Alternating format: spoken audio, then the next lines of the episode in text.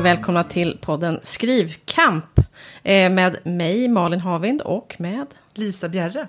Och Lisa, idag ska ju du nästan... Du ska intervjua mig. Ja, det var, så tänkte vi. Jo, men alltså, jag tyckte det var spännande. Jag tänker att det är ju... Um, du skriver ju historiska romaner. Och Mm. du jobbar ju på din fjärde nu. Um, och trean ska komma ut i höst. Ja. Och det är en trilogi då. Um, om, ja, som börjar med De kom från öar. Och gud, nu blir det så formellt plötsligt. Men jag, det jag tänkte var att det var roligt att höra lite hur man skriver historisk roman. I förra eh, poddavsnittet pratade vi lite om det här med norska historiska romaner. Eh, så, så följetongtänk, det är ju inte det du skriver, utan det är ju någonting annat. Men oavsett vad man skriver för historiskt projekt så finns det väl vissa saker som är liknande. eh, och andra saker som kanske beror på genre. Men, vad- men liksom bara så här, vad... Alltså, jag måste säga, vad, är, vad är som stora, stora svårigheterna? Eller liksom, vad, är, vad är det man behöver jobba mycket med när man skriver historiskt? Det det är väl att begränsa, tänker jag, researchmängden. För, för att det, det är ju... Man måste ju göra... För att det ska bli bra så måste det göras research. Eh, och ett, ett problem... Jag tänker att människor som väljer att skriva eh, historiskt är väl ofta, har ju ett intresse för det i regel. Ehm, och jag tror att då är det liksom lätt hänt att man, eh, att man fastnar lite för länge och lite för... Och det tycker jag också, varenda dörr man öppnar i sin research leder ju in till 20 andra dörrar. Eh, och någonstans måste man sätta stopp. Så det skulle jag vilja säga är, är det svåraste. Sen är det ju det här med att hitta själva tonen i, i texten. Um, för det är klart, jag, jag skriver om jag skriver, ja men som min ö-trilogi då, utspelar sig 40, 50, 60-tal. Jag skriver ju inte exakt som man pratade då. Dels för att jag hade, jag kan inte, det skulle inte gå. Två, det skulle bli ganska jobbig läsning. Um, och det är inte riktigt så man gör, utan det man gör är ju att man man försöker undvika de uppenbara liksom, anakronistiska felen såklart. Att man, använder, man vill inte använda ett ord som inte fanns till exempel. Eh, men framför, annars försöker jag tänka att man lite som färgar språket av en tid. Eh, genom att använda, ja men välja vissa uttryck som känns lite tidstypiska och så. Och det där är ju en balansgång liksom. Men jag, jag brukar, alltså jag tänker på research som att man gör det man gör det på två plan. Ena planet är ju det här att man verkligen kollar upp fakta. Eh, när, eh, vad hände, vilket datum, när upphörde kafferansoneringen och så vidare. Och sen det andra är att man bara liksom marinerar sig i en tid. Genom att liksom titta på bilder, lyssna på gamla radioprogram och så vidare. Och det tror jag är sånt som man har hjälp av sen när man, när man ska sätta den där färg, färgen på språket. Jag tycker ändå att det det har ganska mycket likheter med research i allmänhet. Alltså, Ja. menar, alltså liksom, men, att, men, men det som är särskiljer är kanske att du måste göra så mycket mer. Därför att du kan ju inte... Vad som säger, du vet ingen, liksom, ingenting i förväg om du inte är historiker. Så att säga. Jag tänker att om, om man skriver om en, alltså vi skriver spänningsromaner idag, då, bör, då vet man massa saker vet man ju för man har varit på det där kaféet och så. Men du exakt. behöver ju då eh, liksom gå in och kolla, och liksom hur, no, alltså, ja, vi, vi, kanske, vi kanske börjar från början ändå och säga så här, vad är liksom det första du gör när du börjar göra research? För det, det tänker jag kan vara lite svårt att känna när man står inför så massivt researcharbete. Liksom, vad är det första du gör när du ska gå igång med en ny, ett nytt historiskt romanprojekt? Jag tror, alltså, jag tror att det är väldigt olika hur jag gjorde med Ö-trilogin och hur jag nu gör med den här Malin Blomsterberg-romanen som ska komma sen. Eh, dels är det för att med Ö-trilogin, det är väl liksom ändå den baserad på min mormor och morfars livshistoria som jag jag kan, jag kan dragen så att säga i den. Eh, där behövde jag liksom mer fylla på med eh, med de mindre, alltså jag, det stora hade jag, det mindre behövde jag fylla på med och just eh, Vad menar du med det mindre? det mindre, ja men, alltså jag, jag är ju väldigt förtjust i att gå in ganska i detalj. Att jag tycker inte att man, att jag vill inte skriva att de åt middag, utan det ska vara åt dem då, vad låg på tallriken? Eh, och vad, ja men hur, hur, hur skurade man golvet? Nej men liksom att man verkligen får, får vara, alltså en- det var ganska nästan taktil känsla att man kommer nära, nära liksom. Det, det är någonting jag försöker uppnå och då gäller det att samla på sig den typen av, av eh, detaljer. Eh, och de behöver ju inte det behöver ju inte vara liksom exakt att det var faktiskt min mormor och morfar som... Utan, men det, de skulle ha kunnat det, det är inte orimligt. Eh, för det är också, det är ju fortfarande skönlitteratur jag skriver, så jag behöver ju inte, det behöver inte vara, det är inte biografiskt. Eh, men så det är det jag menar med det mindre. Men eh, i, i det här Malin Blomsterberg-fallet, då är det någonting annat. För där finns det ju, eftersom hon, hon var ju ingen hon var ingen direkt kändis, men hon mm. levde tätt in på den tidens absolut största kändis, Ellen Key. Så här finns det ju liksom, ja, finns på Kungliga biblioteket och så vidare. Hennes, vissa av hennes papper och så vidare finns bevarade. Det är ju helt, så, så då, då är det ju första jag gör att jag går till, liksom, vad finns i arkiven?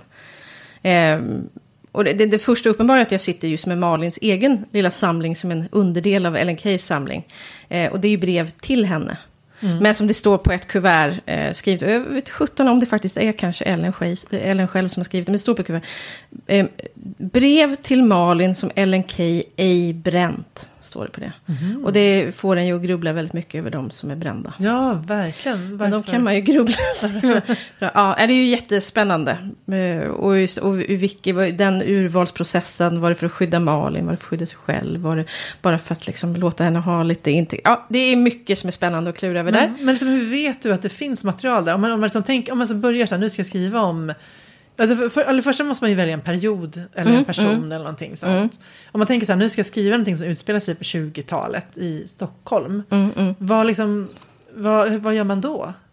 Ja, men, det beror ju på här. Har vi att göra med någon form av offentlig... Alltså, då, är det ju, då kan man ju söka i, liksom, i, i KBs. Person, ja, ja, precis. Ehm, så det är ju liksom det person och sen, sen också, sen för, nästa steg blir ju att kolla, ja, men, som jag berättade i förra avsnittet, jag var på här, arbetarrörelsens mm. arkiv för att se brev från Malin då till Elin Engström. Alltså, den där typen av grejer får jag också gå i nästa steg. Hur vet, du då, hur vet du att de där breven finns där? Eh, det, alltså först tänker jag så här, det, det är, först vet jag så här, vilka får Malin brev ifrån? De är ofta, det är ofta liksom man, det är en kedja av brev förstår man. Mm. Då har hon också svarat eller hon har börjat skicka. Då får jag gå till de personerna och se om det finns något arkiv på dem. Nu är det ju här speciellt eftersom det är just den här kretsen kring, det är ju väldigt många personer som inte, de var inte vilka som helst. Mm. Men så är det ju inte alltid om det är helt om det är så att säga, vanliga människor. Men finns det, som en, finns det digitalt så man kan söka vad det finns för brev och så? Ja, du kan ju ja. söka så att du ser vad som finns mm. på namn och så till exempel. Mm. Det kan du göra. Eh, nej men så det, det, är helt olika ingångar. Med, med ö-trilogin så var det ju mycket... Det absolut främsta var ju att jag liksom... Det var, jag skulle inte säga att det var intervju, men jag pratade med min mamma. Mm. Eftersom hon visste, och hon kunde ibland, visste inte hon så var det någon av hennes kusiner i Skärhamn till exempel som visste. Eh, men så, men så också, jag, jag, brukar också ha det här att jag läser om platsen mm. vid tiden. Eh, för att få, ja, återigen, både liksom kunskap och färg på något ja. sätt. Um, och så reser jag ju till de platser jag skriver om. Mm. Eftersom jag än så länge inte har skrivit ja, men för det vet jag att mm. Jan Guillou sa någon gång i någon intervju att när han hade skrivit om ja, men, byggandet av järnvägen tror jag, uppe i Norge. Mm. Eller vad, att man hade åkt dit och då hade det funnits böcker där som inte går att få tag på på annat sätt. Så han mm. hade fått liksom, väldigt bra material. Mm. Liksom, är det viktigt att åka till platsen och, och, liksom, och se, jag köpa böcker eller, eller liksom se den?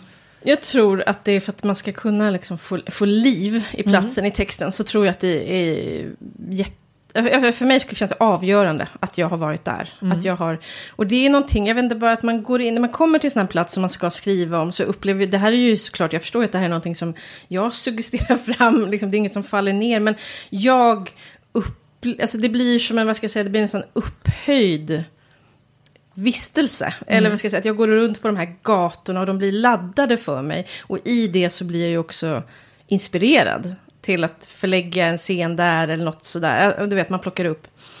Men har du eh. läst en del innan du åker då? Så att du inte...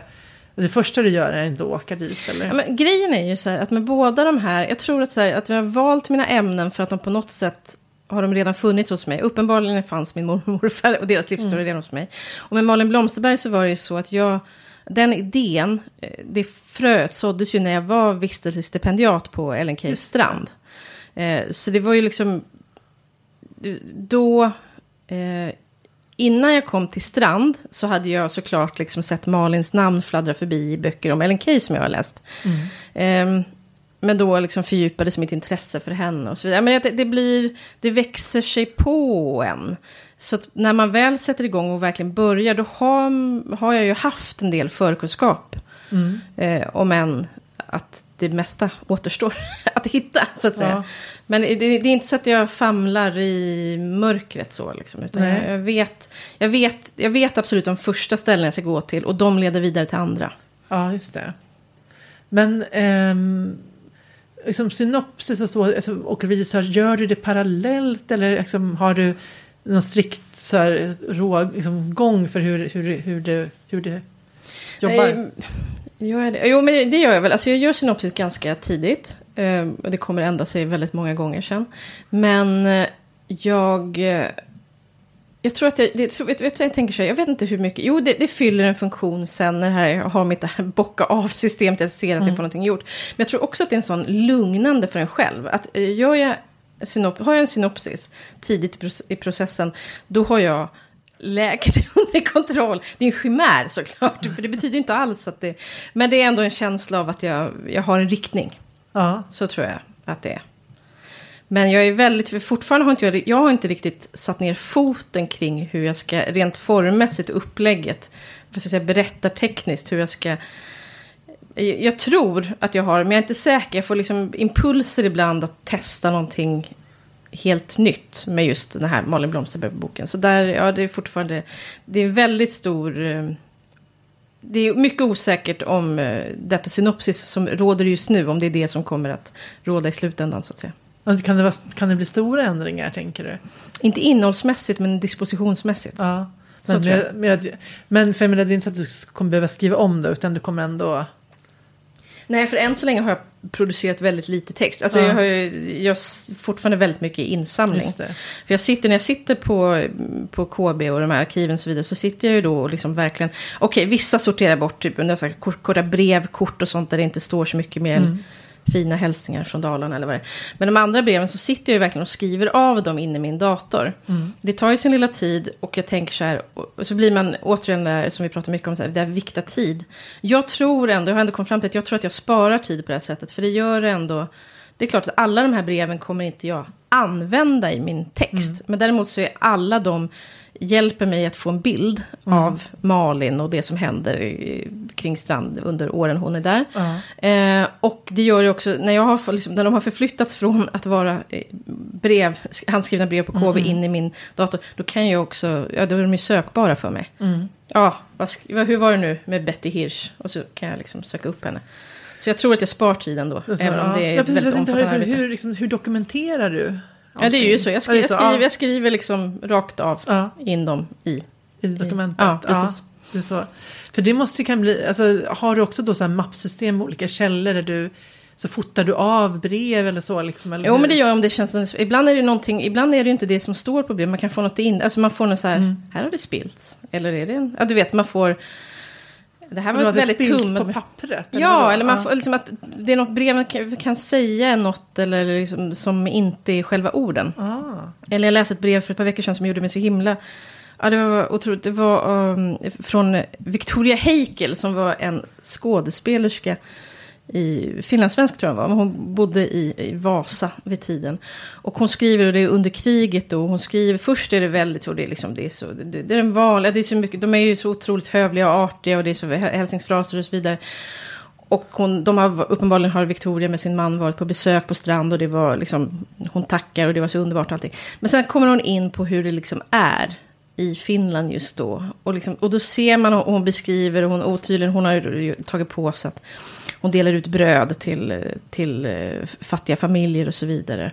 Och hon skriver väldigt, hon kommer in, hon blir liksom ganska politisk och så vidare. Och då ser handstilen från att ha varit så här gullig och prydlig, så bara ballar den ur. Alltså man ser liksom emotionerna ja. i handskriften. Och det är ju jättehäftigt. Det måste ju kännas lite grann som att så här, tjuvlyssna på någon. Alltså, mm. alltså väldigt spännande att läsa mm. någons brev. Ja, så är det ju, precis. Men jag tänker att det som... Ja, nu har ju då Ellen Key bränt en del. Men jag mm. tänker att om det fanns något som Malin... Eftersom, för, för då var, alltså man hade ju en helt annan brevkultur. Så jag tänkte om det var någonting som hon verkligen inte skulle vilja finnas kvar. Då hade hon sett till att det inte fanns kvar. Ja. Ja, jag tyckte bara det var positivt. Mm, alltså, ja, är liksom- jo, ja, men visst, ja, men absolut. Ja. Man, får, man, får en, man kommer människor nära på något sätt. ja. ja, jag ärvt hela min farmors brevsamling. Ja, vad roligt. Och inklusive hennes kärleksbrev som skulle, alltså som inte är från farfar då, Mm. som skulle brännas men hon gjorde aldrig det. Nej. Och då tänker jag att de, hon ville väl inte heller Nej. egentligen bränna dem. Men har du läst det då? Jag har Eller? läst några av dem, men, men de känns ju också lite speciella. Att, eh, alltså jag känner ju att jag, att jag får läsa dem, för jag har ju fått Mm. farmors förtroende. Att Mm. hon, hon, hon var ju hon som testamenterade dem till mig. Men, Ja. eh, men, men, det, ja, det, men jag sparar det lite känner jag. Mm. Det, ja, det känns som en... Nej, men det är en stor grej. Ja, ja, verkligen. Men, men nu, nu kommer vi på sidospår. Men jag tänkte också det här med, med, men det här med eh, skapa karaktärer. Det måste ju också vara speciellt. För att när man tänker en backstory på karaktärer. Liksom, nu har ju du verkliga människor förstås. Då blir det lite annorlunda. Men jag tänker annars måste man ju då skapa en backstory som liksom ändå som stämmer med, med saker som kan ha hänt på den tiden. Och hur det, Mm, just det. man kan påverkas. Men det har inte du riktigt gjort något där som du har verkat. Nej, eftersom jag har... precis, De, de, de, de viktiga personerna har alla varit sådana som, eh, som funnits. Ja. Så backstoryn har varit mig real given. story. Ja, precis. Eh, men och, och när, hur tänker du kring, för det är ju en utmaning där hur folk pratar. Mm. Har du, liksom, hur, hur nära för tids, tidens sätt att prata eller skriva ligger du då? Ja, men jag tänk, det tänker jag nästan är, om kanske att man blir lit, liten aning mer tidstypisk i, i det talade än i brödtexten däremellan. Men sen, jag tänker ändå på samma sätt som med det andra, att man, att man färgar, men det är inte rakt av liksom, det får inte bli pilsnerfilm heller. eh, men, eh, så det, det, jag tänker, egentligen är det, det ska, det ska finnas en, en färg av tiden. Men på ett sätt är det nästan ännu viktigare att det inte finns något som skeva, alltså att man, att något som kommer från vår tid som gör att det liksom skevar ur. Liksom. Ja, vad, finns det ett ord för det? Vad heter det? Anakronism eller något sånt? Anakronism är Ja. när någonting är i fel tid, så Ja, att just det, precis. Alltså, för det måste väl vara lite svårt? Eller har liksom, vänjer du dig vid att skriva utan dem? För man använder ju ofta liknelser som kanske utgår från någonting i, i, som vi har i vår vardag. Ja. Eh, Utan att säga att jag någonsin, att jag, jag har säkert begått något fel, det är jag säker på. Eh, Men, men eh, nej, ska jag säga. Nej, Mm. för när jag går in i den här textvärlden, om jag skriver om Dagmar och Holger till exempel, då är det, det är som att jag, den kalibreringen sker automatiskt. Mm. Jag får liksom inte, det är inte jobbigt för mig att välja bort mitt vardagliga språk som jag skulle ha använt i när jag Mm, pratar. Så det, nej, det har faktiskt inte varit. Däremot så tror jag att jag, såklart att jag skruvar upp eh, svårighetsgraden nu. För nu ska jag skriva om en tid som ligger eh, ytterligare ett, halvsekel eh, Mm. bakåt i tiden. Eh, inte riktigt, men ja, den spänner ju också över ett antal år och så vidare. är det Men- större skillnader. Ja, det är större skillnader. Eh, men det är ju, och så får man ju bara sitta och kolla upp. Och hur, det är just det här med att liksom titla hit och dit och när. Och det, för det, det, tänker, det löser man väl ofta i... Det kommer ju inte, för det är mycket hårdare med det eh, nu i den här Malin Blomsterberg-boken, vid den tiden. Men när jag skrivit um, Ö-trilogin så är ju... Man får ju ofta skriva, man måste ju markera att, liksom, att här, det får finnas med när de börjar dua varandra så att säga. Ja. Att det, att det är liksom så man vet, att, att man tar med sig läsaren över den tröskeln. Ja, som ändå var ganska avgörande. Åtminstone i början av den trilogin. ja.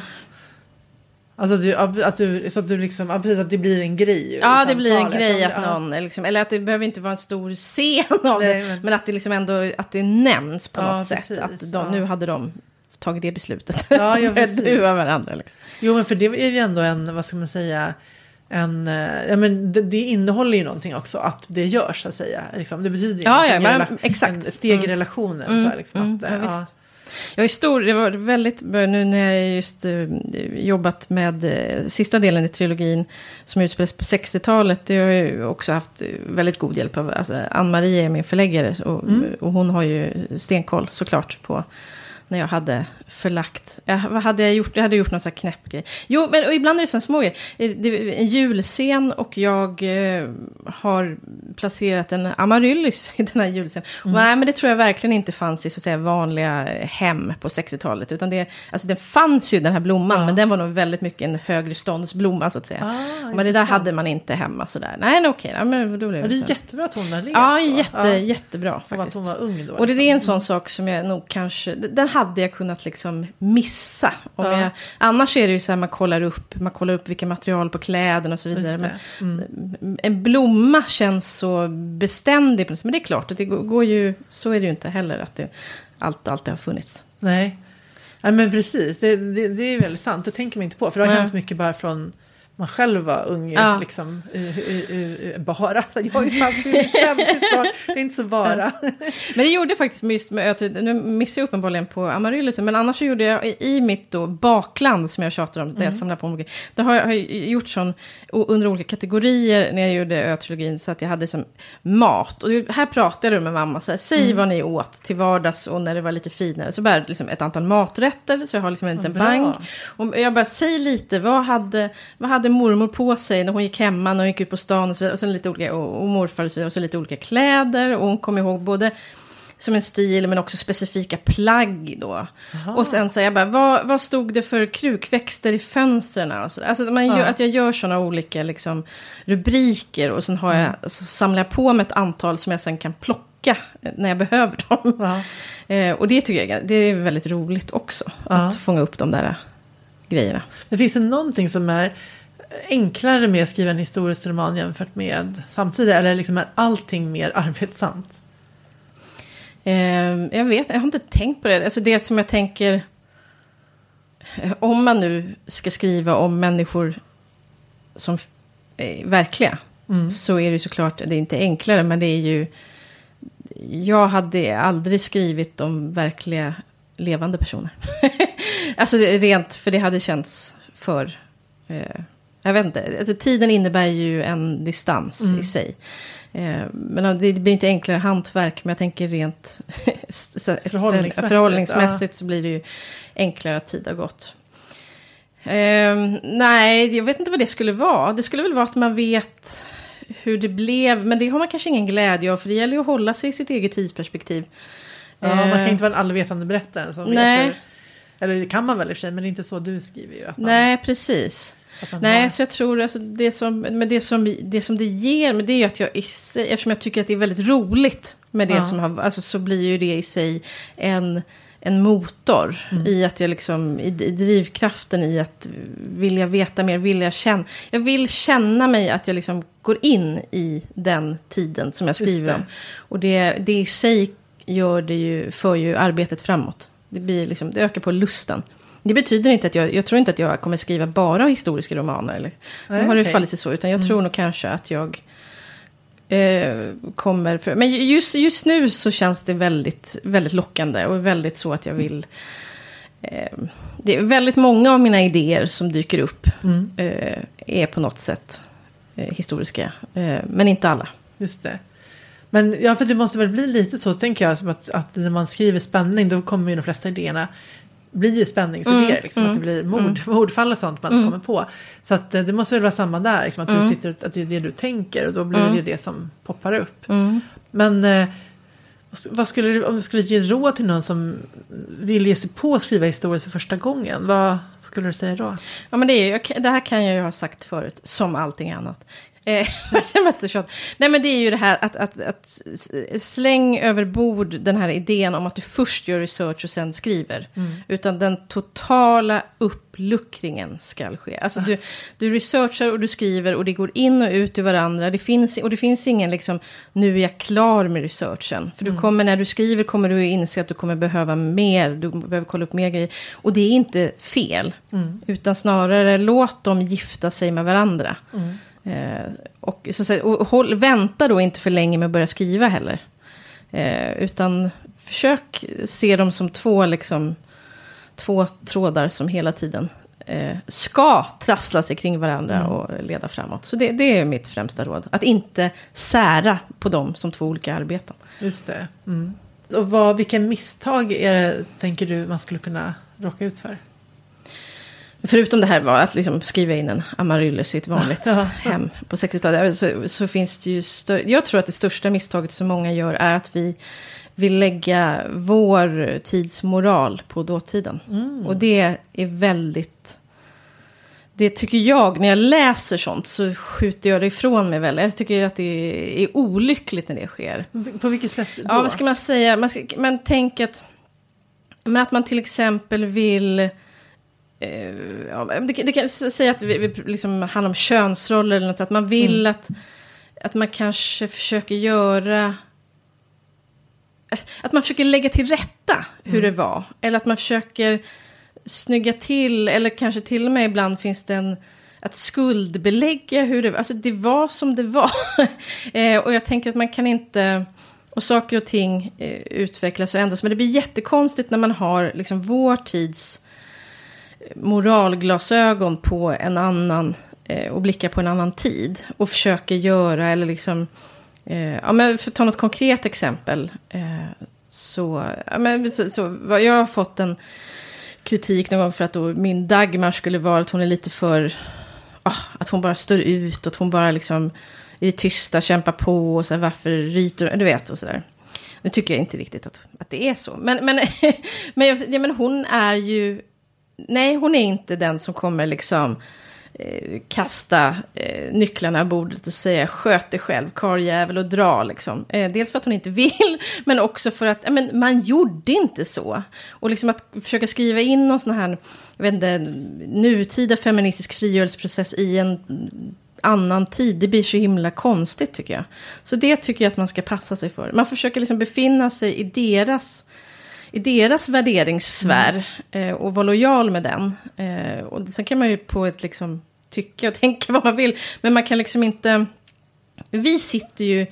Eh, vi sitter ju med den här tillbakablicken och den får man... Inte, man måste få försöka förhålla sig i deras sfär så mycket det går och inte försöka rätta till i efterhand eller pekpinna och sådär. Men det kan väl vara svårt, men nu, nu beror det på vad man har för teman och så, men, men exempel att jag tänker att det som ändå fanns mycket rasism och fördomar, mm, mm. alltså sådana saker då kan bli svåra att, eh, alltså det kan kännas konstigt. Att även så att säga goda personer då kanske har en, en, en, en, en, en, då, ja, men en, en vad som säga, värderingar ja, ja, sånt som man idag skulle ta avstånd från. Absolut, men det tycker jag att det är jätteviktigt att man skildrar det. Alltså, det beror på vad man ska, men för att det, och jag tänker att en intelligent läsare förstår ju att det inte betyder, bara för att någonting, någonting en författare skriver betyder inte att en författare tycker att det som står där, som den nyss skrev, är eh, ett facit på hur världen borde se ut. Nej, nej. Eller, ja, jag vet inte. Men det är ju får det verkligen som vi... hoppas att det inte är Nej, precis. Eh, varför tycker du att mord är bra nej men det blir ju så, nej men man får hålla isär på eh, vad det är. Att det som man skriver om betyder inte att man tycker att det är rätt eller bra. Eller, man försöker bara skildra som det är eller som det var, tänker jag. Men visst ja. kan det vara snårigt ibland. Liksom. Ja, för man, man tänker också att man, man det är en diskussion nu bara om så här Roald Dahls eh, mm, böcker skulle så, så här, mm. tvättas, eller man säger. Och, och jag menar, mm. ja, precis, det, det, där blir det ju ändå, jag menar, för de representerar ju en syn som fanns då. Liksom. Mm, eh, men jag, jag har ingen, det var inte meningen att gå in, gå in i den diskussionen, men det blir ändå näraliggande. Liksom, att man... Jag vet, men det är också extra knep, jag vet, det, där, jag vet inte, det är inte, inte helt, jag har inte, jag har inte tänkt färdigt, men jag tänker att det är ju, eftersom han skrev för barn, Mm. Eh, det blir, jag vet inte, man, att göra den här analysen. Jag vet inte, det är ju olika såklart vem man skriver för och till. Och, och jag tänker så här, nu går vi in i det men jag tänker när, när, när hans fall att det ska handla om ett så här rent kommersiellt beslut. Därför att jag försökte läsa Kalle chokladfabriken för, mm. för ett av barnen. Mm. Eh, och det är ju så mycket alltså, obehagliga, ja, så här, fettfobiska mm. beskrivningar. Så, här. så jag kände att det här är inte jag någon lust att läsa. För Nej. det här känns som skit. Liksom. Ja. Alltså, så här, det vill inte jag sitta och... Alltså ska man sitta där och bara ja, alltså, så får man på något sätt själv skapa, eller alltså, det blir så konstigt att läsa det för ett mm. litet barn. Ja. Eller liksom, ett barn som inte tillräckligt, ja, men, som ändå suger i sig. Mm. Eh, så då känner jag också att det kan ju också vara så att man rent kommersiellt tänker så här att de här böckerna kommer ju ingen jävel vilja läsa för sina ungar. Ska vi fortsätta ja, tjäna pengar på hans böcker mm. så får vi kanske fixa till dem ja, lite. Ja. Ja, det, det kanske inte var så, men så tänkte mm. jag i alla fall att det skulle kunna ha den funktionen. Säkert.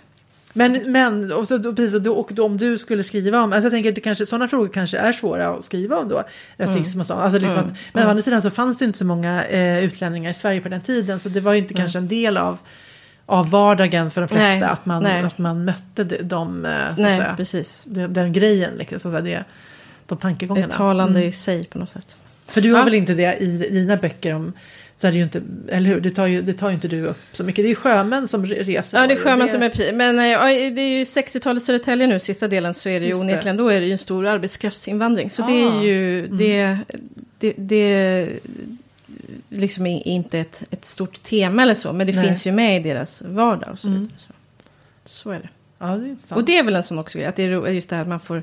Att man, har, man, har, man väljer sin lilla värld, om jag väljer den här familjen nu som jag skildrar, så är det ändå så, här, så är de alltid en del av ett samhälle och en större värld. Och där Mm. tänker jag också, det är också en väldigt rolig grej med det här i research, att få titta Just på det. vad händer vid tiden på just den här platsen och så vidare. Men för det är ju de historiska böckerna som ändå blir mest spännande att läsa ju, eller hur? Mm, Att, inte, att det säger någonting om, om den tiden och Mm. som utvecklingen Mm. som helhet och inte som, och, som, som liksom en annan nivå i Mm. boken. Det Men och inte, måste vara intressant att skildra det, tänker jag. Ja. Man måste ha något intresse för att skildra tiden också, eller? Ja men verkligen. Och det har faktiskt varit så roligt just med de här tre olika platserna som trilogin har utspelats på. Så det, de är ju... Ja, jag vet inte, det har, det har ju varit en resa va? Nej, men det, har väldigt, det var roligt nu med att få gå in i liksom, att skildra stad. För nu har det varit de här liksom, ganska pittoreska ösamhällen. Slite och skära Ja, Slite skärm precis. Och nu Södertälje på 60-talet, Ja. verkligen så. Och just 60-talet då när allting rivs och byggs om och, och så vidare. Det, det har varit jätte, jätteroligt att få liksom... Det, och, och Södertälje är ju en stad som präglas av mycket arbetskraftsinvandring. Så det var ju Mm, mm. någonstans där kanske då Det började. började. Ja, Mm, det mm. är ju jätteintressant. Mm. Men vad finns tre anledningar till att man inte skulle skriva historiskt då? Vad skulle det Ja, vara? men hatar man research så är det ju en dålig idé. Liksom. Om man tycker att det bara är ett, ett ont, eh, måste, så då ska Mm. man inte göra det. Eh, och sen tror jag inte man ska göra det, alltså man måste ju göra det för att man vet, så det är som med allting annat, att det, vad är det det brinner någonstans? Mm. Tycker man att det är roligt, lockas man av det, så ska man göra det och annars inte, helt enkelt. Ehm, ja, nej, det var inte, nej, nej, varför skulle man inte? Just det med riset Ja. tänker jag för, för en del, jag tänker att man kan ju förhålla sig olika till hur realistiskt det måste vara. Mm, mm. Men jag tänker att, jag tycker att, där är man kanske olika också som läsare ju. Mm. För jag tycker att, att om man läser, jag tycker egentligen alla böcker som är illa researchade blir för mig ganska ointressanta. För att liksom då, jag menar, då säger man ju, om man tänker att det är någon som suttit, om du ska sitta och hitta på allting, Mm. då är jag ju bara inne i din fantasivärld. Ja. Då, kan man, alltså, då, kan man, liksom, då finns det ju ingen, vad ska man säga, då säger ju ingenting om tiden. Nej, nej.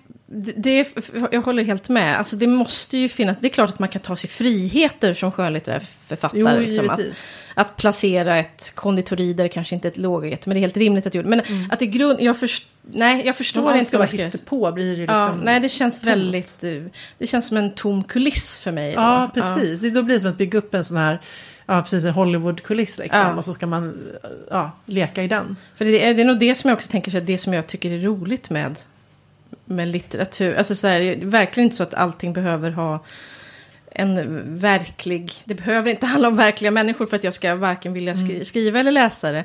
Men att det finns, att det pratar med verkligheten på något sätt. Ja. Jag är ju till exempel inte så lockad av sci-fi och sånt. Det är ändå så att jag... Ja, jag vet inte. Men det är, ett, det är ett fantastiskt verktyg för att skildra, spegla verkligheten. Jo, jag Att fattar det. Jag ja. fattar verkligen det. Var Eh, inte jag protestera. Ja, ja, jag vet. Eh, nej, men jag, för, jag förstår det. Och jag har Mm. väl också läst någon sån bok som jag har kunnat ta till mig. Men det är, ja, jag vet inte. Men de glider ju ofta iväg. Och, och, nej, men jag ska hålla käften för jag är ju verkligen ingen Nej, men det expert. finns ju väldigt olika så sagt, Ja, genre, undergenre och- där också. Så, ja. Där, ja, precis. Eh, men jag vet inte, jag, jag går ju lite igång på liksom att miljöer där här har, Mm. jag vet inte. Ja, ner med händerna på, i jord eller asfalt. Ja. Tycker jag är kul. ja, men vi får säga tack så mycket. Vad spännande att höra hur du, om du, hur du jobbar. Tack så Nu mycket. lät jag så formell igen. men vi hörs igen om ett par veckor. Det gör vi. Hej då! Hej då!